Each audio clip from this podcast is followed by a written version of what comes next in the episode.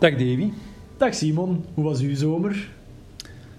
Tof eigenlijk. Verhuisd, rustig, niet veel gedaan, veel gelezen. Daar kunnen we het in een volgende aflevering misschien nog eens over hebben.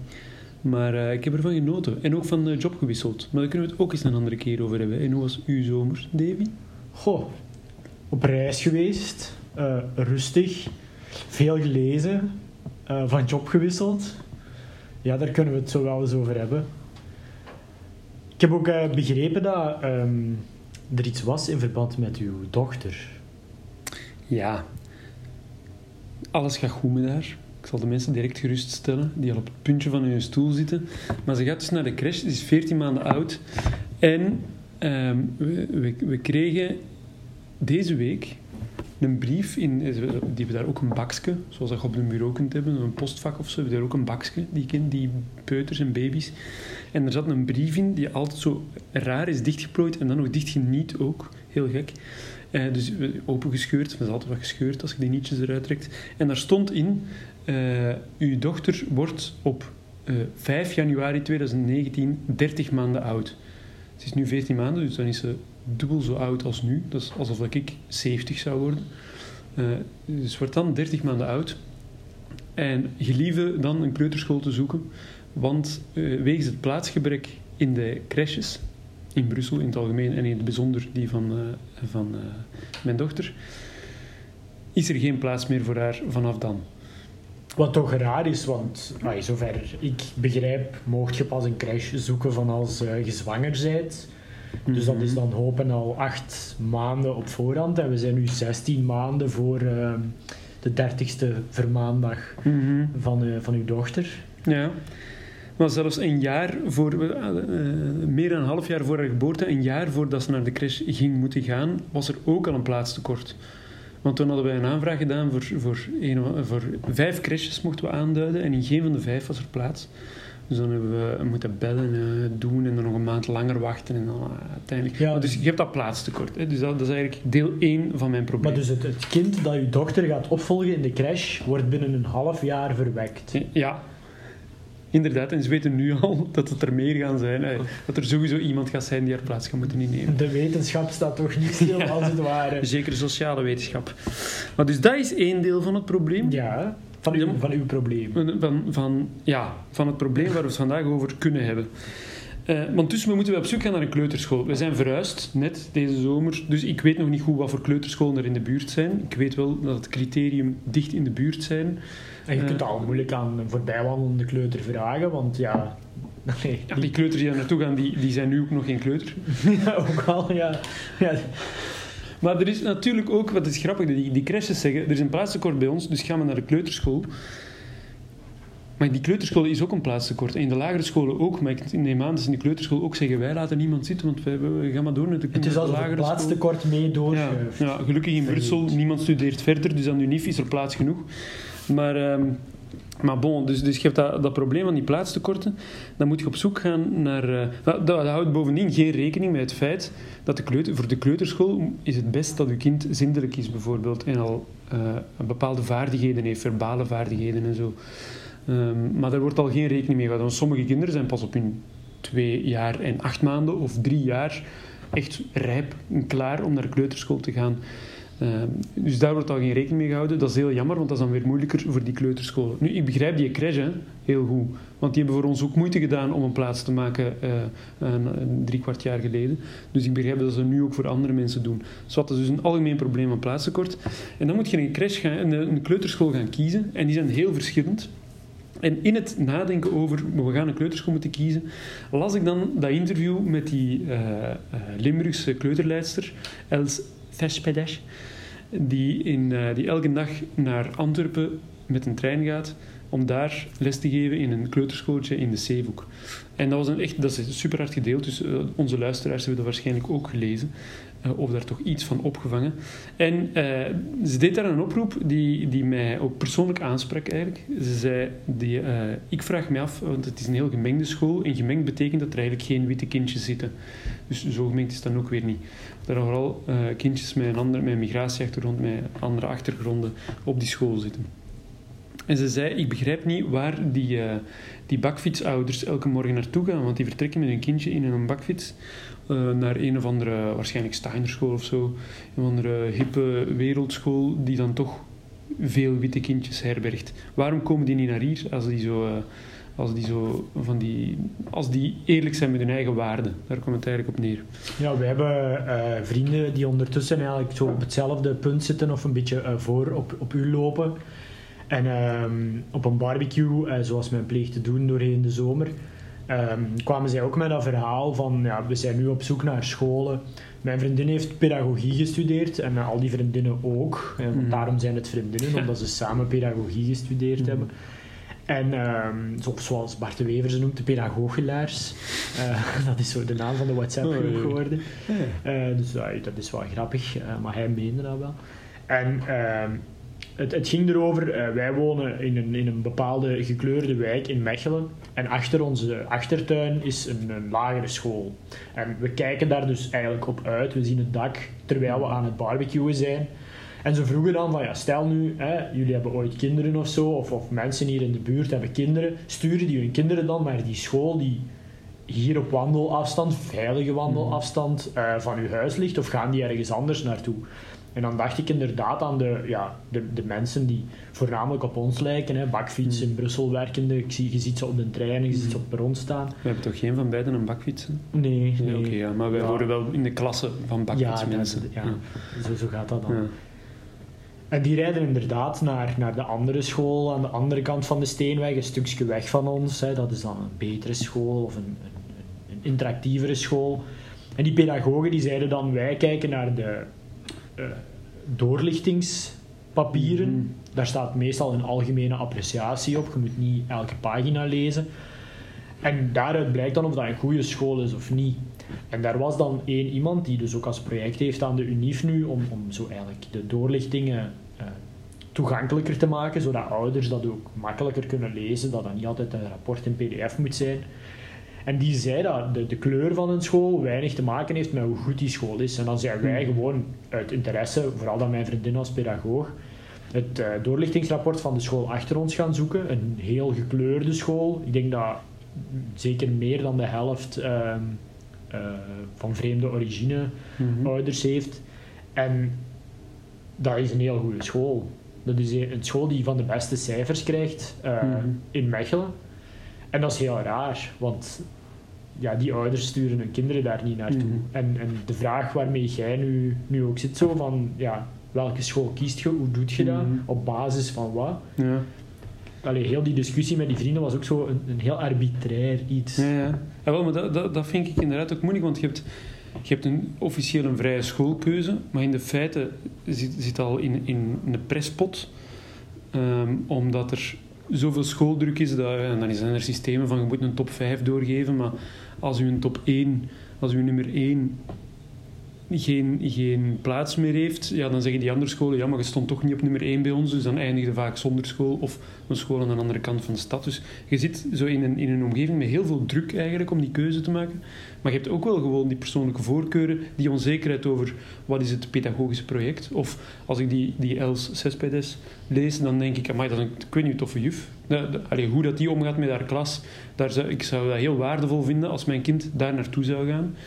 Maar ik weet niet uh, of alle juffen en hopelijk ook kleutersleiders uh, daar, daar op dezelfde manier mee omgaan in die school. En ik vind dat er ook andere dingen nog van tel zijn. Uh, zoals hoe, hoe, er met genderstereotypering om, om wordt gegaan in, in de school. Ik hoorde zo hier in Brussel bijvoorbeeld, weet ik dat er één kleuterschool is die geen typische meisjes-jongens speelgoedhoekjes heeft. Um, dus bijvoorbeeld geen verkleedkoffer met jurken en, en, en poppen, waar, je, waar dan blijkbaar in de feiten uh, dan heel vaak de meisjes naartoe gaan. Of worden toegeleid, of, uh, mm -hmm. uh, maar gewoon ja, zeer, zeer neutraal speelgoed, zeg maar. En ik vind dat, dat vind ik ook heel waardevol om mijn kind daar naar te sturen. Maar ja, Sint-Lucas, dat is zo'n arty-farty school. Ik weet niet hoe het gesteld is met de bevolking van die school, wat achtergronden betreft. Maar ik vrees dat die dat daar meer, maar dat is ook al een voorafname, want ik weet dat eigenlijk helemaal niet. En toch denk ik dat daar minder witte, eh, meer witte kindjes zitten dan op die school van Els Cespedes in de Zeehoek. Ehm, dus, maar het wordt gewoon... Ja, Ja, ik vind voor mij eh, persoonlijk blijft mij ehm, altijd het feit bij dat ehm, je hebt eigenlijk sowieso een soort homogenisering eh, op, op van alle vlakken. En ik, ik heb het verhaal al, al tegen een aantal mensen ook binnen de partij verteld. Eh, in het zesde middelbaar, en dat is natuurlijk ver weg van het kleuterklasje, maar daar hadden wij ineens eh, godsdienst, werd daar ingevuld een aantal uur per jaar met Mhm. mensen die eh, de school langs ons, dus ja, de speelplaatsen zaten aan twee kanten van de school en de ASO-kinderen speelden aan de ene kant en de BSO-TSO-leerlingen aan de andere kant, maar daar waren dan ook hun gebouwen. Maar dat was iets heel raar, wij kenden die eigenlijk niet. We hadden in het zesde jaar, we waren een nogal mannelijke richting. ehm, eh, economie, wiskunde en moderne talenwiskunde zat zo gemengd. Eh trok ik meer eh, jongens aan en wij kregen godsdienst samen met de kapsters. Mhm. Voornamelijk meisjes dus. Ehm, en, en dat was heel interessant, omdat in het zesde middelbaar ging dat over de toekomst. Zo, hoe ziet jij je nabije toekomst? Nee. En die, die, die meisjes die zeiden dan, hè, ja, volgend jaar eh, zoeken voor te trouwen, kinderen. En eh, ja, ergens gewoon een kapsalon ergens eh, bijkomen. En misschien dat ik ooit zelf eentje begin. En Mhm. zo, die hadden echt zo'n levensplan vanaf het jaar daarna. En bij ons was het zo, we gaan naar Leuven en eh, we gaan daar wat hè, zo feesten en studeren. En dan zien we dan wel. En ja, ik kwam over tijd een van die meisjes tegen toen ik thuis nog eens op bezoek was eh, in, in mijn dorp. En ja, die liep daar dus rond met een kleine die dus op, op de rand van het middelbaar staat. En eh, ja, bij ons niet. dus ja, dat is, eh, dat is heel vreemd. Maar ik heb op dat moment eigenlijk die mensen pas begrepen. Zo de, de mensen van het technicum, zoals wij dat dan noemden. Ehm, dat, ja, dat was echt iets... Een heel andere wereld. En ik heb, sinds toen heb ik wel zoiets voor zo die, die, die mengelmoes. Ik vind dat wel belangrijk. Maar langs de andere kant, er is ook een project in Mechelen waar de ouders zich, dus zoals jij nu, kunnen inschrijven. En dan zoekt het project voor, voor u eh, scholen in de buurt die eigenlijk een, een verwitting kunnen gebruiken. Ah. Heel gekleurde scholen. Mhm. En ehm, dan kunt jij op bezoek gaan in scholen die dus, Mhm. eh, je kunt zeggen, ik wil dat dat dicht bij mij is. En die scholen die hebben dan ook eigenlijk plaats voor u. Dus dat is een soort, je hebt zo'n positieve discriminatie die ze dan, Ja. hè, zo, eh, bijvoorbeeld heel het gedoe rond Amina eh, aan de Vlaamse overheid en zo, heel dat gedoe, doen ze dus ook in gekleurde scholen eh, voor mensen die aan dat project meedoen. Dan zet je ook zeker dat je een plaats hebt, wat voor veel ouders eigenlijk de reden is om mee te doen. Maar dan zorg je eigenlijk voor ook een mix op een school, een school die wij dan gemixt zouden noemen. Maar dan kwam het bij ons ook wel op van, je wilt ook niet dat uw kind zo bij die drie... Allee, uw kleine moet ook niet de missionaris van de school zijn, om het dan zo cru Ja. uit te stellen. Dus ik snap uw dilemma wel. Ja, maar ik snap, eh, als dat op een, als op een gezonde, op een leuke manier gebeurt, dan, is, dan, dan kan een mix heel tof zijn voor alle kindjes, denk ik. Allee, met, met een, met, en voor elk kindje zijn er ook wel trauma's op school en zo, dus dat Ah, hoort er gewoon bij. Maar waar ik zo, waar ik zo tegen in opstand komt, kom, dat voel ik vooral, is dat er dat, dat, dat die keuze, dat, dat er een eigenlijk voortdurend gevoel van crisis is, zowel op scholen als voor vele ouders, denk ik. Voor vele ouders gaat het dan over de keuze. En heb je wel keuze? En wat moet je kiezen? En eigenlijk bestaat de ideale keuze niet. En je moet je daarbij neerleggen, dus dat is ook goed. Maar voor die scholen al helemaal, die, die, want dat denk ik dan ook. Er zijn, als je een klas hebt van één eh, eh, kleuterleider of leidster met 24 kindjes en eh, tien daarvan zijn nog niet zindelijk, wat voor pedagogisch project kun je dan nog, kun je dan nog uitwerken? Dat is toch, maar dat vind ik dus dat vind ik zot dat een overheid niet zorgt voor een effectieve schoolkeuze en een effectieve eh, vrijheid van dat je niet alleen moet kiezen naar ja, ik weet dat in die school echt heel erg is van over, overbevolking, dus ga ik naar de iets minder overbevolkte school. Ehm, maar, maar dan, dat, is toch geen, dat is toch geen manier van kiezen. Dat vind ik zo zonde, want maar dat, dat, is natuurlijk, dat zijn helemaal geen originele twijfels, vragen en protesten die ik formuleer. Maar het is wel door zelf een kind te hebben dat je dat, dat, je dat eh, aan de lijve ondervindt. En dat je gewoon ook kwaad wordt van kinderen worden van, van zo jong, allee, de eerste maanden, en bij ons was dat gelukkig ook nog redelijk lang. Daar begint de ongelijkheid al. Eh, ik kon nogal wat, wat ouderschapsverlof nemen en zo. Eh, en mijn lief ook. Dus de eerste maanden zijn wij, zijn wij volledig eh, zijn we volledig met drie en doet je alles zoals, je, zoals het u belieft. En daarna komen er, dat is ook heel tof om te zien, komen er ook contact met andere mensen, met familie en met, met vriendjes op de crash. Het zijn nog niet echt vriendjes, maar ze kennen die wel, ze herkennen die, ze spelen daar wat mee. In mijn geval, die kruipt er wat over. Ehm, en, echt uh, ja, twee druppels water. Echt, papa. echt daar water, ja. en, uh, maar dan daarna komen de, de, al zo snel komen ook gewoon de, de, de effecten van slechte politieke beslissingen stralen die daarop af. Of hebben die een effect op hoe dat die groeit? Want het is natuurlijk die super ontvankelijk voor uh, de vorming van haar leven, van haar, uh, van haar karakter. Dus daar, daar word ik zo kwaad van, Davy. Ja, ik kan, ik kan me dat wel inbeelden. Uh, als, als vrienden babbelen over zo het zoeken van een crash. En, en dat het dan goed is dat ze bijvoorbeeld uh, ongegeneerd ouderschapsverlof kunnen nemen, omdat de crash van hun voorkeur, die blijkbaar ook een soort project hebben van uh, opvoeden van kinderen of laten Mhm. groeien of zo van kinderen of laten spelen, ehm, dat, dat ze ehm, de- het voorrecht kunnen nemen om te wachten. En dat, dat er meestal wel één of twee plaatsen zijn waar ze direct eh, een plaats kunnen hebben, maar dat dat ook de plaatsen zijn waar ze eigenlijk liever niet hebben dat hun kind naartoe gaat. Maar dan weet je ook dat als die mensen nee zeggen, omdat ze het zich kunnen permitteren van wat langer te wachten voor een betere, of in hun ogen betere crash, ehm, ja, dan komen die andere kinderen in die ene crash terecht. En dat is zoiets heel, iets heel absurd. Ja. Zo één, dat er al kwaliteitsverschil op zit, dat vind ik zo al, al iets heel abstract. Want ja, je kunt u toch ook niet inbeelden in uw kleuter en de Mhm. kleuterschool. En allee, weet ik veel. En er is mij niet veel van bijgebleven, maar dat is misschien goed. Allee, je, je weet dat zo niet. Dus ja, ik, Maar de ik overheid organiseert gewoon concurrentie tussen ouders, terwijl je gewoon zou willen, laten we, allee, de- la- laten we samen eh, het beste project vinden voor onze kinderen, wat dan min of meer aansluit bij ons, bij, bij, hoe, bij ons wereldbeeld. En ik vind het heel fijn dat er verschillen in zijn, dat, dat niet elke school dat op dezelfde manier doet en zo.